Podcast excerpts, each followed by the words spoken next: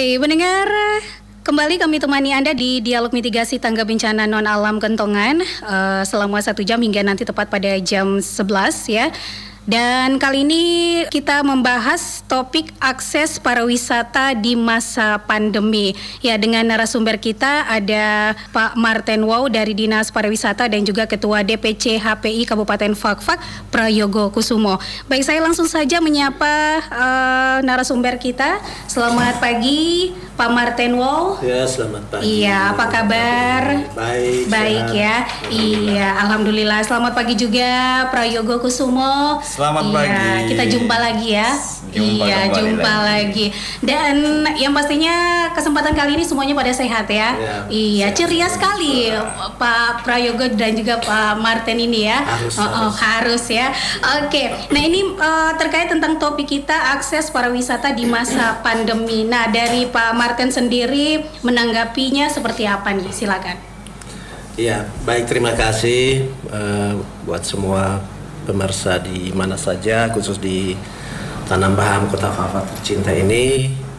Eh, kami hadir di sini untuk memberikan apa yang terbaik untuk kita semua bahwa pandemi kini sudah terjadi beberapa bulan terakhir ini dan kita semua bagaimana mempersiapkan diri untuk terus menghadapi kemudian melewatinya dengan baik.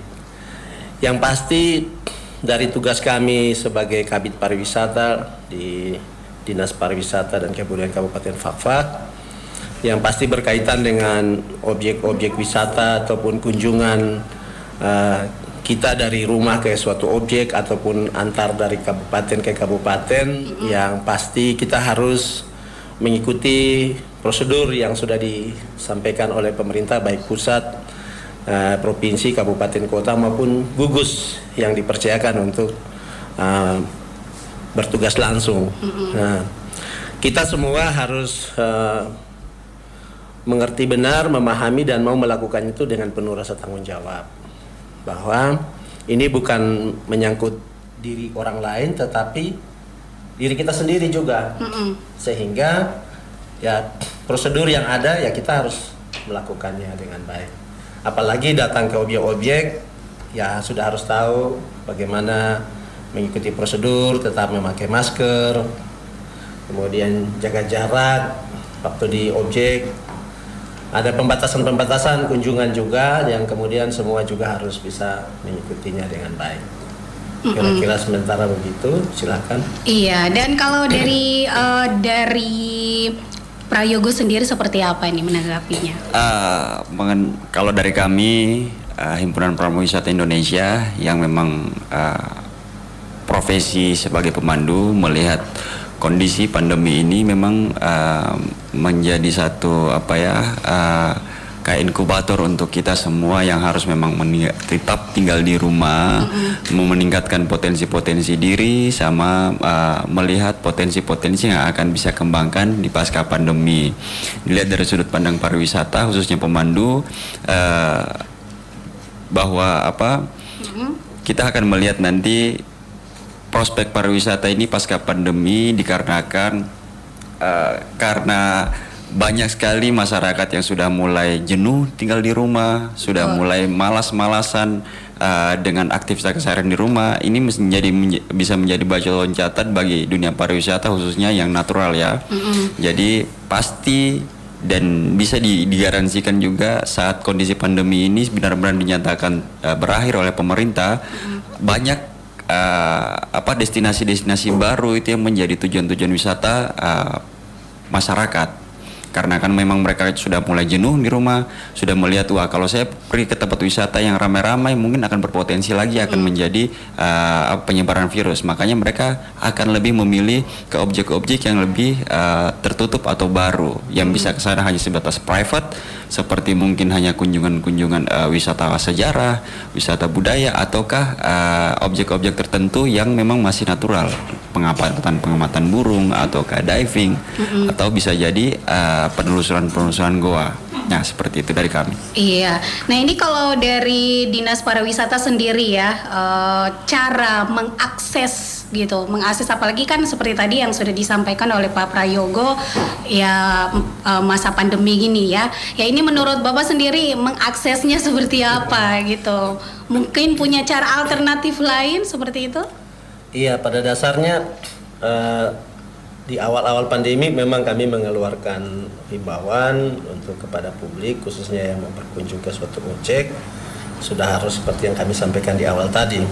Tetapi dengan berjalannya beberapa bulan ke depan ini terakhir ini ya tadi banyak orang sudah mulai merasakan tidak nyaman dengan di rumah dan akhirnya mereka harus berpikir alternatif. Tetapi tetap kita harus bagian dari satu tatanan kehidupan yang harus bertanggung jawab untuk kesehatan kita sendiri dan keluarga dan orang-orang lain. Maka menuju kepada sebuah objek atau bepergian ya tetap kita komitmen gitu harus mm -hmm. menjaga semua yang sudah disampaikan.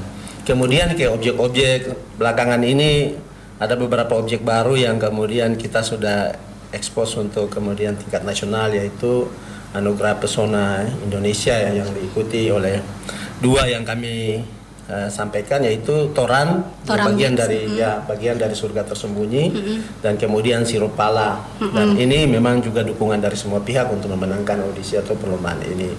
Tetapi menuju ke toran ini dari sisi jarak kita semua tahu di mm -hmm. uh, daerah distrik Kara sana sehingga ada beberapa yang sudah bepergian ke sana ya paling tidak harus waspada juga di perjalanan. Kemudian sampai di objek sana juga yang paling penting harapan kami ketika sudah ada di sana ya tetap menjaga protap tadi dan kemudian kebersihan objek di tempat yang dituju itu juga harus kita jaga ya sabta pesona kita itu kita harus kedepankan mm -hmm. sehingga tidak hanya datang berkunjung kemudian nanti jadi rusak atau hal-hal yang kurang baik untuk objek itu sendiri tetapi pada dasarnya kita datang ke objek itu untuk sesuatu hal-hal yang kita nikmati, kemudian kita merawat dan kemudian punya kesan yang baik terhadap objek itu.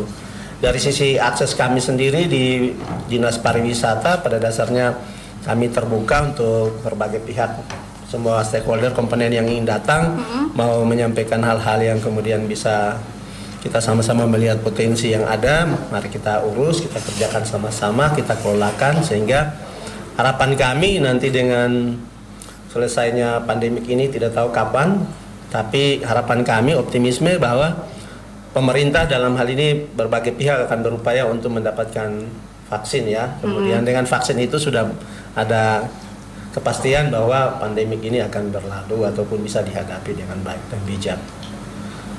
Iya, ini berapa nih uh, spot wisata di Fakfak yang uh, apa namanya dan aksesnya apa sudah bisa terjangkau begitu?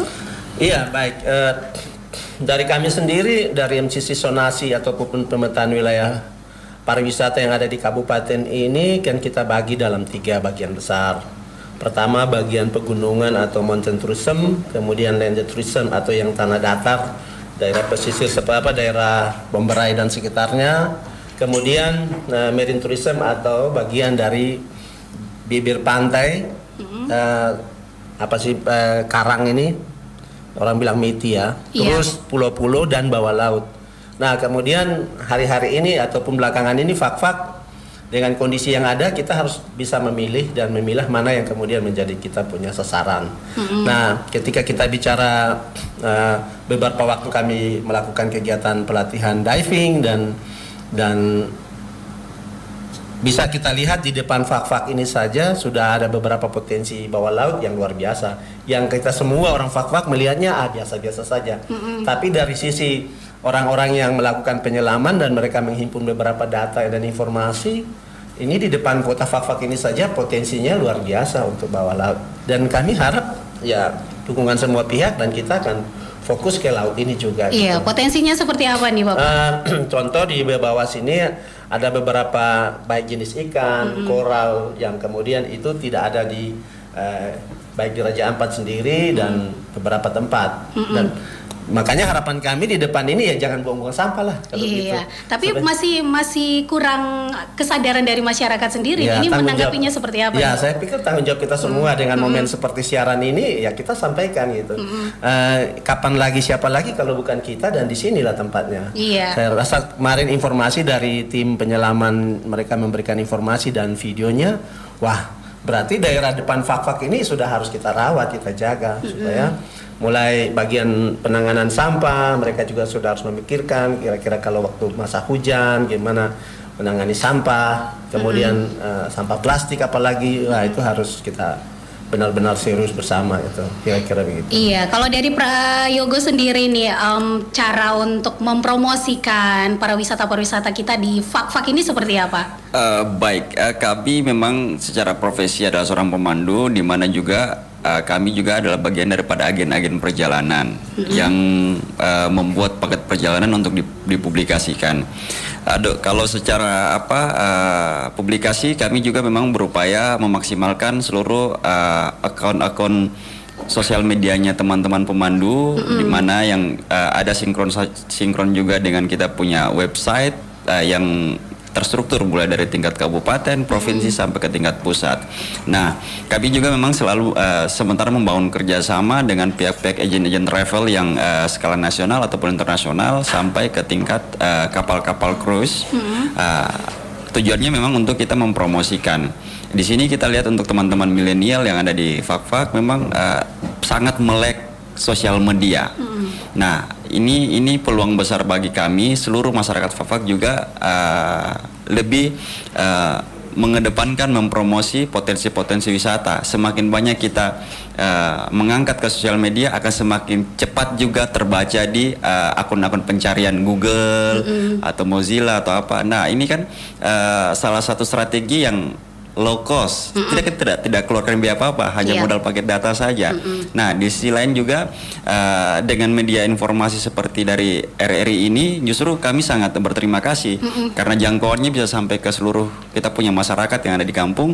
Mereka juga uh, dengan dengan menerima informasi seperti ini mulai pelan-pelan uh, membuka diri untuk memberikan informasi juga tentang objek-objek yang ada. Se uh, sebagai contoh itu beberapa waktu yang lalu setelah bincang-bincang di sini juga ada informasi yang datang ke kami bahwa coba kalian datang-datang lagi ke kita punya kampung. Mm. Mungkin bisa lihat kita punya potensi. Ya, ini mm. ini salah satu peluang yang dengan segera kita harus sambut. Uh, iya. Apalagi seperti yang dijelaskan tadi uh, Pak Martin selaku kepala bidang pariwisata di pariwisata Nah, uh, waktu pelatihan selam kemarin kan kita memang melibatkan uh, seluruh masyarakat pesisir yang memang uh, punya potensi wisata, khususnya yep. wisata selam. Mm -hmm. uh, sebarannya mulai dari Karas sampai dengan Kokas. Mm -hmm. Nah, ini ini menjadi menjadi uh, peluncur atau raja di di depan uh, pembangunan pariwisata ke depan. Ya, iya. seperti itu. Oke, kita terima dulu yang ingin bergabung ya melalui jalur telepon di 22523 atau juga melalui SMS di 082196737977. Iya, halo, selamat pagi dengan siapa di mana? Selamat pagi. Iya. Dengan Pak Arif di seberang. Pak Arif di seberang. Silakan Pak Arif. Ya, ya selamat pagi buat uh, Bapak narasumber berdua. Ya, selamat, selamat pagi. Ya, ini sesuai dengan topik tadi prospek pariwisata apa? Apa tadi penyiar?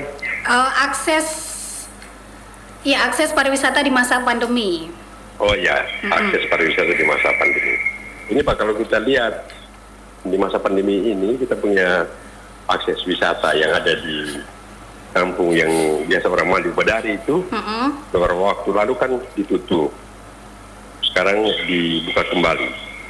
Jadi kami ingin tanyakan bagaimana protapnya begitu tuh agar masyarakat yang ke sana itu barangkali bisa mandi-mandi atau bisa bersendagurau dengan ceria tanpa ada kekhawatiran untuk apa uh, terkena virus COVID itu. Iya. Ya, bagaimana kira-kira protapnya? Apakah memang sudah diatur juga di sana begitu Pak? Uh, Kemudian Pak ini akses wisata di Papua ini kalau kita ketahui sangat luar biasa. Barangkali kalau kita kembangkan itu lebih dari Raja Ampat itu Pak. Pak Martin ya. Iya. Jadi barangkali kita di Papua ini masih kalah promosi Pak. Mm-mm. Karena untuk lebih memperkenalkan akses-akses wisata yang ada di Papua ini atau di mana saja, biasanya promosi itu yang harus betul-betul digencarkan. Oleh karena itu Pak barangkali kami dari masyarakat ini hanya mengusulkan untuk bagaimana kita bisa buat atau dari pariwisata bisa membuat semacam ya, program atau semacam proposal untuk diajukan ke pemerintah agar bisa menambah anggaran pariwisata itu dinas pariwisata agar promosi itu lebih digencarkan lagi. Sehingga akses wisata di Torang Beach dan banyak tempat eh, seperti di telapak tangan itu ya telapak tangan di wilayah Koka sana juga itu bisa terekspos dan menjadi eh, tempat wisata yang diminati oleh masyarakat domestik maupun dunia. gitu. Iya. Oke, itu saja Pak. Itu aja, itu saja. Iya. Arif, ya. Terima kasih Itu Pak Arif. Terima kasih. Iya, terima kasih. Baik, silakan Pak Martin langsung menanggapinya. Ya baik, terima kasih Pak Arief. Eh, semoga bersama keluarga selalu sehat-sehat saja. Eh, yang pasti ada dua hal yang disampaikan menyangkut Ubadari. Eh, Ubadari itu hari ini memang ada Pokdaris ya, kelompok sadar wisata yang sudah ada. Kemudian memang akses menuju ke sana kita semua tahu syukurlah karena jalannya bagus menuju ke sana tapi ya tetap tidak boleh balap-balap lah. Pokoknya jalan menikmati. Yang namanya orang pariwisata ya harus menikmati semua proses perjalanan itu. Tetapi sampai di eh, apa Wadari sendiri eh, letak daripada objek itu sendiri dengan di situ juga ada musola. Jadi terus kemudian ada eh, rumah-rumah penduduk.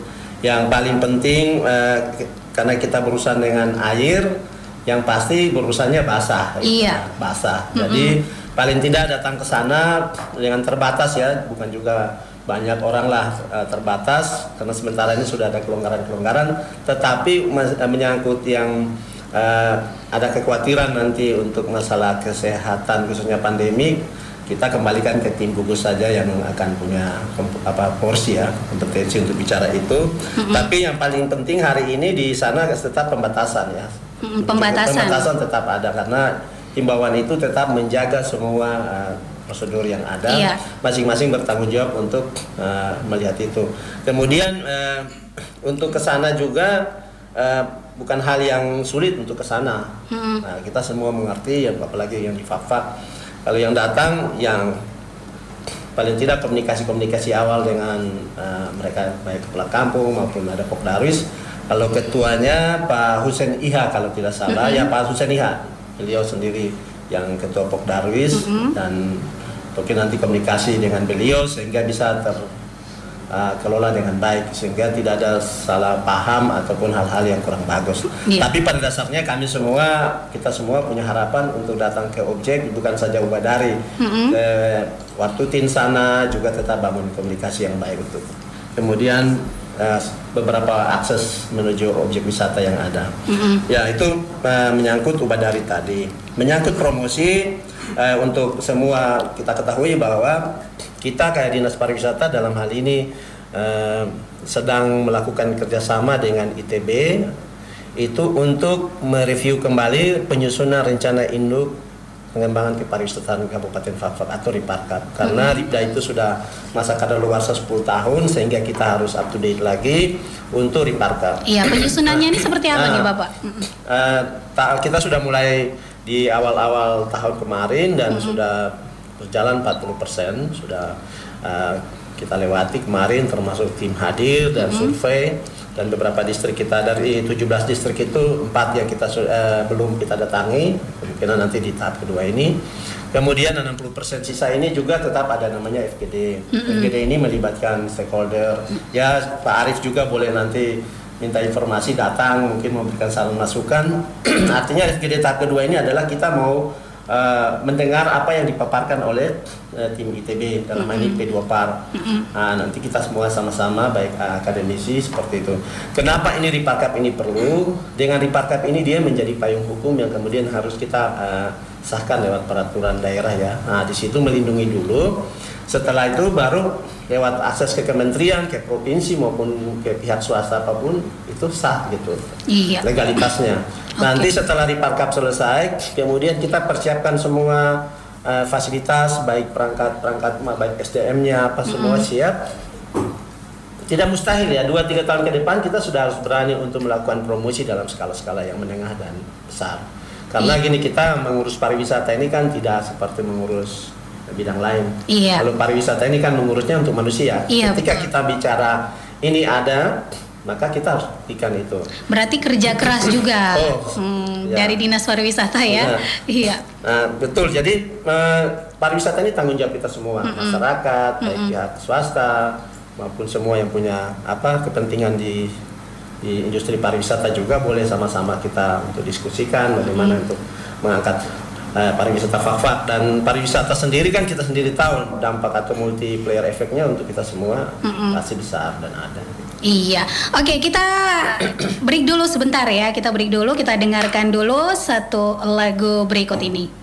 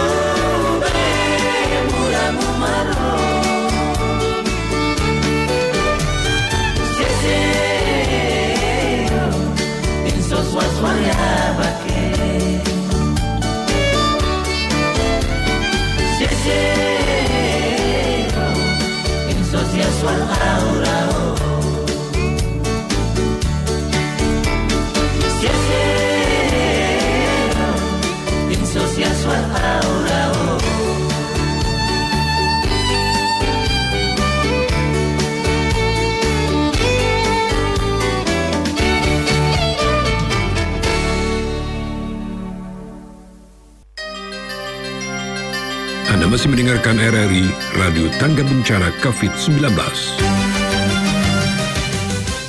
Baik, masih bersama dengan kami di Dialog Mitigasi Tangga Bencana Non Alam Kentongan dan kami masih dengan narasumber kita Pak Martin Wow dan juga Ketua DPC HPI uh, Prayogo Kusumo masih dengan topik akses pariwisata di masa pandemi.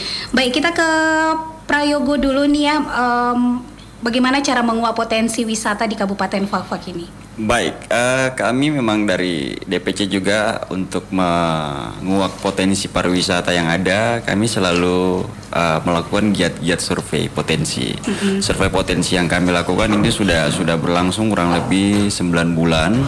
Itu mulai dari identifikasi potensi-potensi wisata khususnya wisata uh, bird watching atau pengamatan burung mm-hmm. yang memang uh, sebarannya kita masih terfokus ke beberapa distrik dulu terus uh, pengamatan apa uh, satwa-satwa liar lagi mm-hmm. seperti kanguru pohon terus uh, reptil jenis-jenis reptil.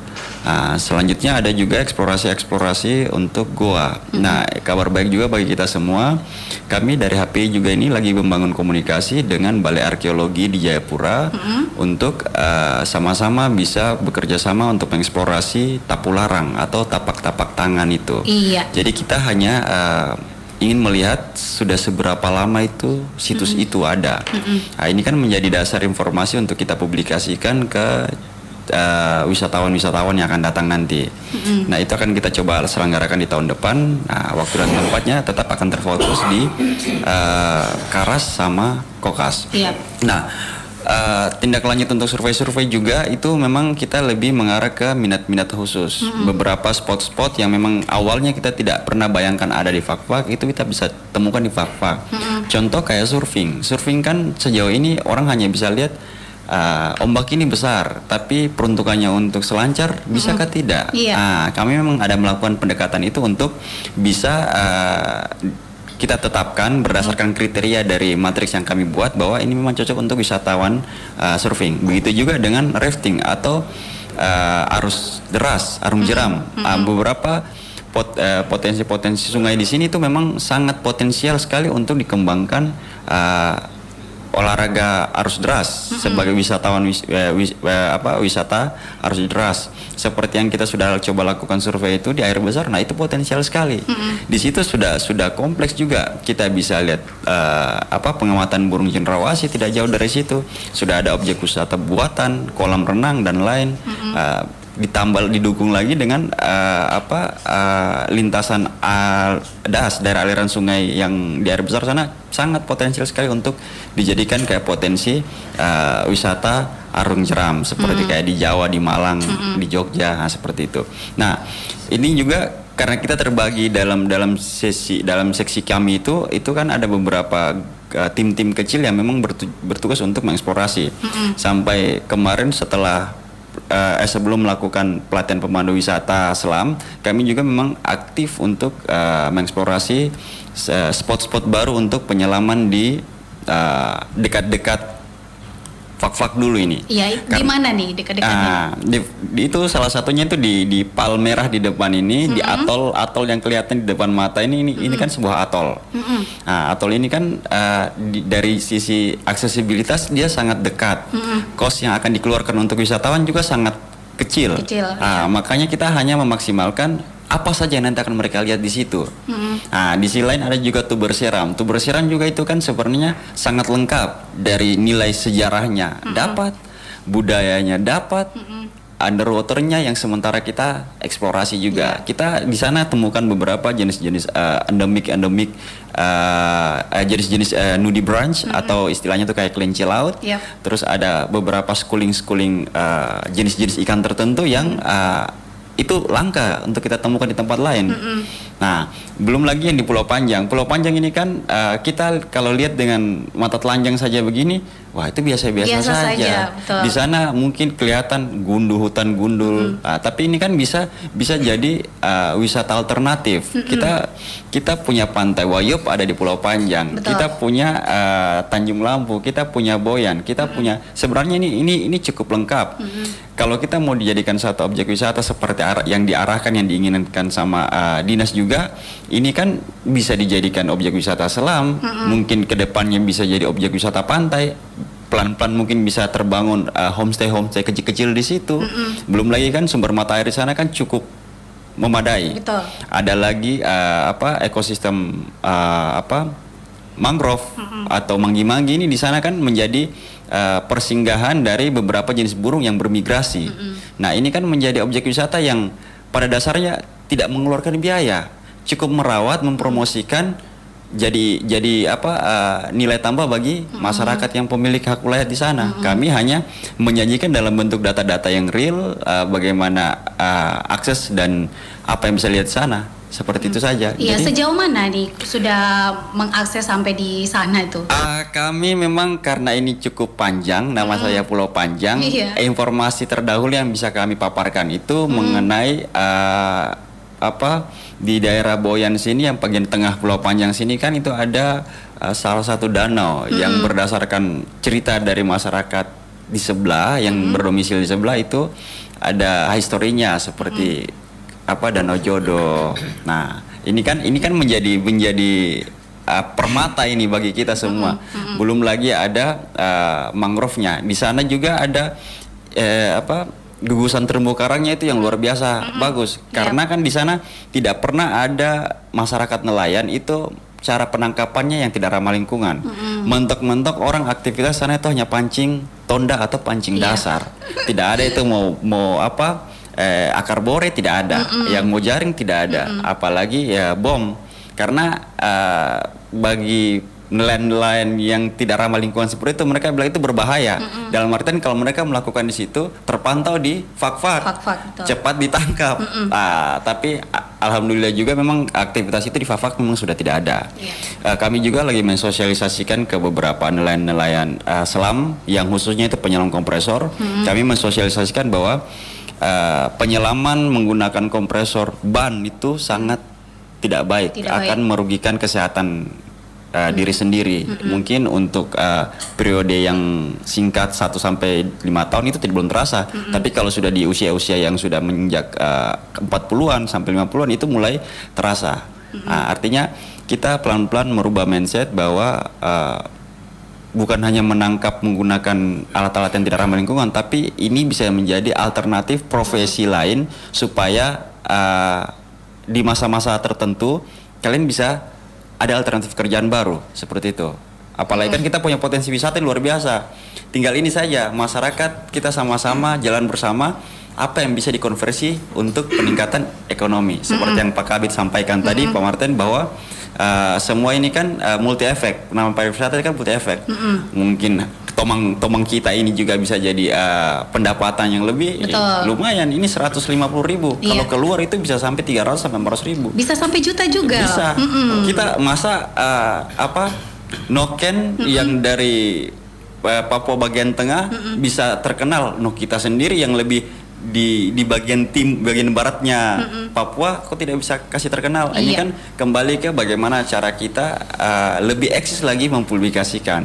Betul. Kita punya banyak hal apa kayak sirup pala seperti yang disampaikan tadi kita pelan-pelan sudah mendorong dengan berbagai macam cara supaya ini bisa terkenal di dunia nasional sampai keluar. Ini- ah, ah, baik, sejauh mana dari HPI bekerja sama dengan eh, Dinas Pariwisata? Ini dari HPI dulu nih. Ya, eh, kami adalah mitra untuk dinas pari, eh, dinas pariwisata. Secara struktural, dinas pariwisata adalah bagian teratas dari himpunan kami. Dia, eh, mereka adalah eh, pembina, pengarah, sekaligus pensupport beberapa kegiatan-kegiatan kami. Karena eh, beberapa data-data yang kami himpun, memang itu kami peruntukkan untuk kepentingan pembangunan negeri ini melalui program-program pariwisata. Ya, seperti itu. Iya, kalau dari pariwisata sendiri? Ya, baik. Kami hanya mau sampaikan jangan sampaikan bagaikan ayam itu anak ayam kehilangan induk. Induknya. Yang Mm-mm. pasti kami mengerti benar, kami tahu benar, undang-undang juga mengamanatkan itu semua. Jadi semua pihak yang ingin sama-sama untuk membangun negeri ini, khususnya di bidang pariwisata dan bidang-bidang lain, kami selalu bersedia untuk menerima berbagai pihak yang datang, apalagi HPI. HPI ini menjadi bagian yang kami persiapkan, walaupun secara struktur saya sendiri juga sebagai pengurus eh, provinsi HPI. Jadi kami tahu bahwa eh, potensi muda ini ada di HPI HPI. dan beberapa komunitas-komunitas. Kami memang punya harapan besar untuk semua ini mereka bersatu, mereka berkumpul dan mereka lah adalah kekuatan di daerah ini menjadi tumpuan kita sama-sama dan saya sendiri selama ada tujuh bulan ini menjabat sebagai kabit pariwisata melihat ada potensi yang luar biasa di SDM generasi muda ini. Dan mereka punya kreativitas yang uh, luar biasa. Mereka juga membantu kami selama ini. Sehingga semua pihak khususnya generasi muda baik itu OKP maupun apa KNPI silahkan sama-sama berkolaborasi datang untuk tanya-tanya informasi kira-kira eh, Bapak Doran di Dinas Pariwisata ini kegiatan apa-apa yang kemudian kita bisa bantu dukung. Besok-besok kami juga punya harapan untuk rencana-rencana strategis kita di kantor itu khususnya Renstra. Itu kalau bisa itu pelibatan semua termasuk seperti Bapak Arifin tadi. Mereka punya isi hati unik-unik itu kita terbuka begitu. Sehingga ketika itu mereka yang berbicara gitu. Oh kita cuma mengakomodir oh ini baik untuk mereka dan kita semua. Kemudian khusus kepada HP ini selalu kami sampaikan bahwa lakukan yang bisa dilakukan. Segala sesuatu yang ketika ada masalah atau kendala datang kepada kita di dinas pariwisata. Kita sama-sama berkolaborasi dan mereka adalah tim solid kita di di dinas. Dan luar biasa terima kasih juga untuk HPI dan Pak Yogo sebagai ketua dan teman-teman yang dihimpun Kemudian tadi saya sambung lagi dari yang disampaikan oleh Pak Yogo tadi bahwa Balai Arkeologi itu khususnya di Andarewa itu di Kabupaten Fakfak di distrik Arguni kalau tidak salah ya dia ya distrik Arguni. Bukan. Dia apa dia. Nandara. Arguni itu di Andarewa eh, lokasi itu sudah mereka sudah penelitian dan kita sudah kategori kelompok yang tua dan mereka suatu saat akan datang lagi untuk mempertegas itu memperjelas statusnya. Jadi harapan kami masyarakat di sekitar itu baik di Goras di eh, sekitarnya Bapak Doran di kampung supaya nanti ada informasi apa Bapak Doran datang kasih tahu nanti kita sama-sama mereka mereka yang punya kemampuan sehingga itulah salah satu eh, alternatif dan kekayaan potensi pariwisata dan bukan cuma pariwisata saja ada kekayaan kebudayaan yang luar biasa gitu. Iya. baik wisata baik budayanya prasejarah maupun sejarah yang ada kita semua tahu khususnya orang di Fafak harus tahu bahwa banyak sekali kita punya yang kita ingin kerjakan sama-sama. Tapi kalau kita tidak bersatu ya sama saja. Dan kita sini terbuka untuk khusus dinas pariwisata.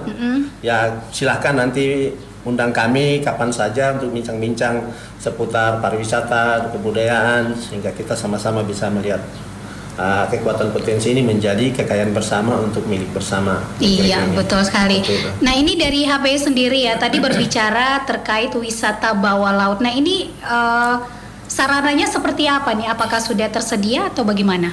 Ya, untuk ketersediaan peralatan diving memang kami di uh, Fafak juga itu setelah kami coba inventaris hanya beberapa saja yang layak untuk dijadikan uh, peralatan standar penyelaman. Nah, kami juga dari HPI juga yang bagian daripada uh, pemandu wisata selam memang lagi mempersiapkan beberapa peralatan-peralatan utama untuk uh, menyambut wisatawan selam. Nah, dua minggu yang lalu kita coba membuka uh, discovery dive atau coba-coba selam di Jalan Baru. Itu Iya. luar biasa antusiasnya. Antusiasnya itu Betul. itu itu artinya kan ini adalah profesi. Jadi semua profesi berbicara jasa punya nilai. Nah, di situlah kami juga mempersiapkan bagaimana teman-teman mempersiapkan orang-orang yang tidak bisa sekali diving supaya bisa mencoba merasakan dunia bawah laut. Tidak dirasakan dia tidak tahu, tidak tahu, tidak cinta, tidak cinta, ya tidak dijaga. Makanya pelan-pelan juga program-program terobosan-terobosan program-program terbaru kami coba sajikan di masyarakat supaya uh, jangan lagi membuang sampah sembarang. Di kehidupan di bawah laut itu sama halnya seperti kehidupan kita bermasyarakat di dalam kota sini. Semakin berantakan, semakin kotor, semakin tidak nyaman. Begitu juga kondisi ikan-ikan dan uh, biota-biota dalam laut, semakin mm-hmm. kotor, sampah-sampah, mereka juga tidak semakin ny- tidak nyaman. Kami juga tidak tidak sanggup untuk mempublikasikan lagi. Artinya kalau memang spot terdekat ada, ya kenapa kita tidak maksimal, yeah. tidak maksimalkan? Mm-hmm. Seperti juga hasil diskusi juga dengan Pak Kepala Bidang juga bahwa uh, harapan kami ke depan juga bagaimana ada diving school mm. atau dive shop mm-hmm. atau juga dive center. Dive yeah. center itu uh, salah satu lembaga atau salah satu uh, uh, tempat yang di mana itu ada tempat penyewaan alat scuba, hmm. ada tempat pembelajaran scuba, ada tempat uh, khusus mempromosikan tentang wisata-wisata selam. Hmm. Karena berbicara wisata selam itu kan uh, bisa berbicara tentang underwater fotografi, hmm. berbicara tentang objek-objek tertentu yang menjadi daya tarik khusus di satu lokasi. Orang berbondong-bondong datang untuk foto objek itu hanya uh, dengan mengetahui seberapa jauh lokasinya dari pusat kota hmm. itu makanya kami sangat berharap juga bagaimana uh, kerjasama ini uh, kemitraan ini betul-betul menjadi uh, satu uh, implementasi dalam bentuk program yang dapat dirasakan bagi seluruh masyarakat. Ya. Iya, oke ini ada yang sudah masuk ya melalui jalur WA. Ya selamat pagi. Saat ini Kabupaten Fakfak mengikuti ajang API atau API dengan meng mengunggulkan dua kategori objek wisata Toram Beach dan minuman tradisional khas Fakfak Sirupala. Bagaimana progres ke depan guna mengembangkan dua potensi unggulan tersebut dari Ibu Lena? Silakan Pak uh, Martin. Ya baik, terima kasih buat kiriman SMS-nya via WhatsApp. Ya jadi kemarin uh, dari tujuh kategori dan kita pilih dua yaitu surga tersembunyi dan titik itu toran titiknya uh -huh. adalah toran dan kuliner itu kita pilih siropala dua ini dengan tim yang sudah kita bentuk dan mereka menjadi bagian dari penyelenggara itu sudah melakukan upaya-upaya terbaik dan informasi terakhir eh, kita polling sementara untuk toran itu di atas -huh. Dan itu seluruh Indonesia ya karena ini punya acaranya kementerian dan kita sementara unggul -huh. nah, sirupala masih belum banyak dan harapan kita semua bisa uh, ambil bagian untuk uh, untuk mengirim SMS untuk polling dan dia berlaku sampai Desember jadi masih ada tiga bulan ke depan ya untuk kita bisa sama-sama untuk memenangkan kompetisi ini. Uh -huh. Nah tahun lalu kita menjadi nomor dua pemenang nomor dua dari eh, sagu ya babengka ya istilahnya itu apa martabak sagu. Dan hari-hari ini eh, dari hasil yang kita dapat eh, Toran Beat sudah 36,7 persen dari hasil polling.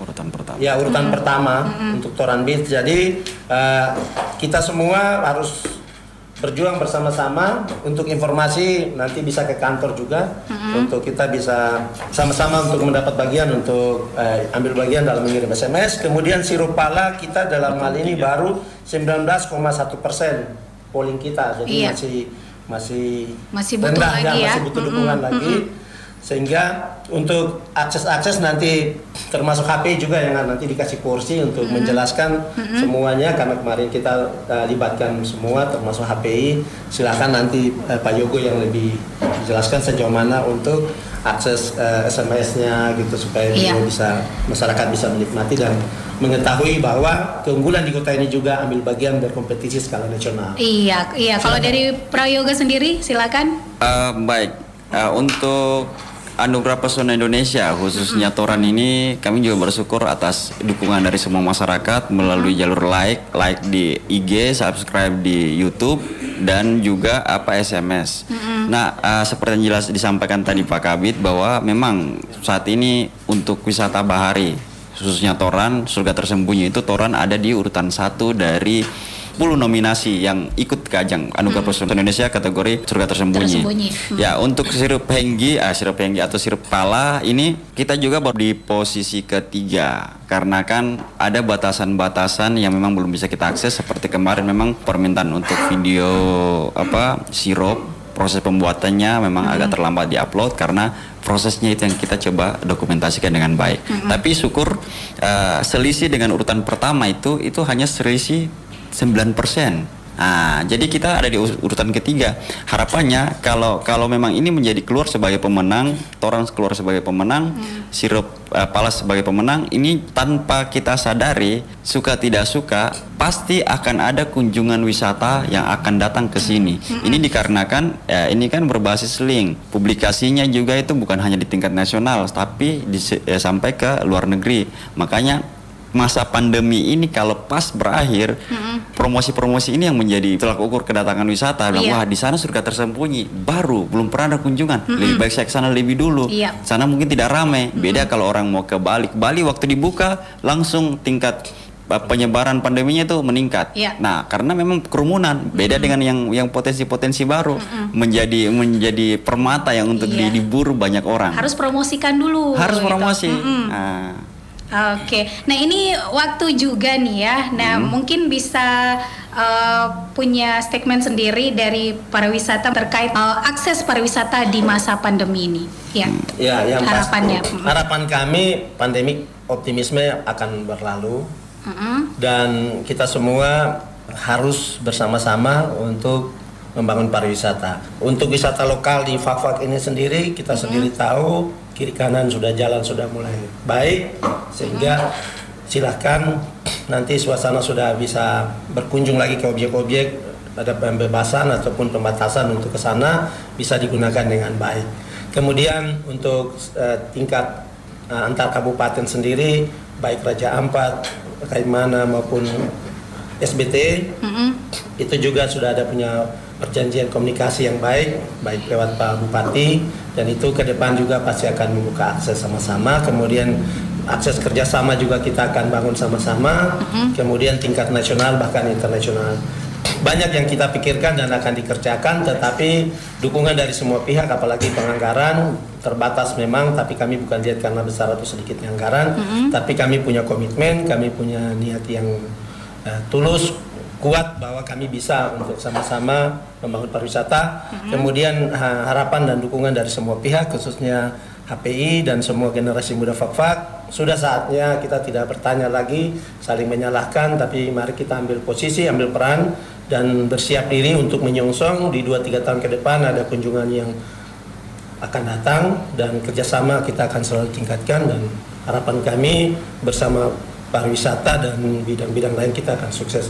Yang pasti uh, statement slogan kami bersama kita bisa, kita bisa karena selalu bersama-sama. Iya, baik. Kalau dari HPI sendiri silakan harapannya. Uh, sebelum harapan saya ini sedikit ya. Uh-huh. Untuk mendukung Toran itu via SMS semua bisa ketik API spasi 18J SMS ke 99386. Untuk sirup Pala ketik API spasi 2H SMS ke 99386.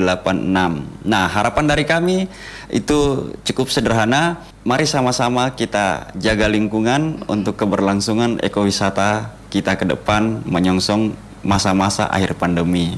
Siap. Iya. Baik, terima kasih Pak Martin dan juga Prayogo yang sudah sempatkan waktu berbincang-bincang langsung ya di kesempatan kali ini tentunya di segmen dialog mitigasi tangga bencana non alam kentongan.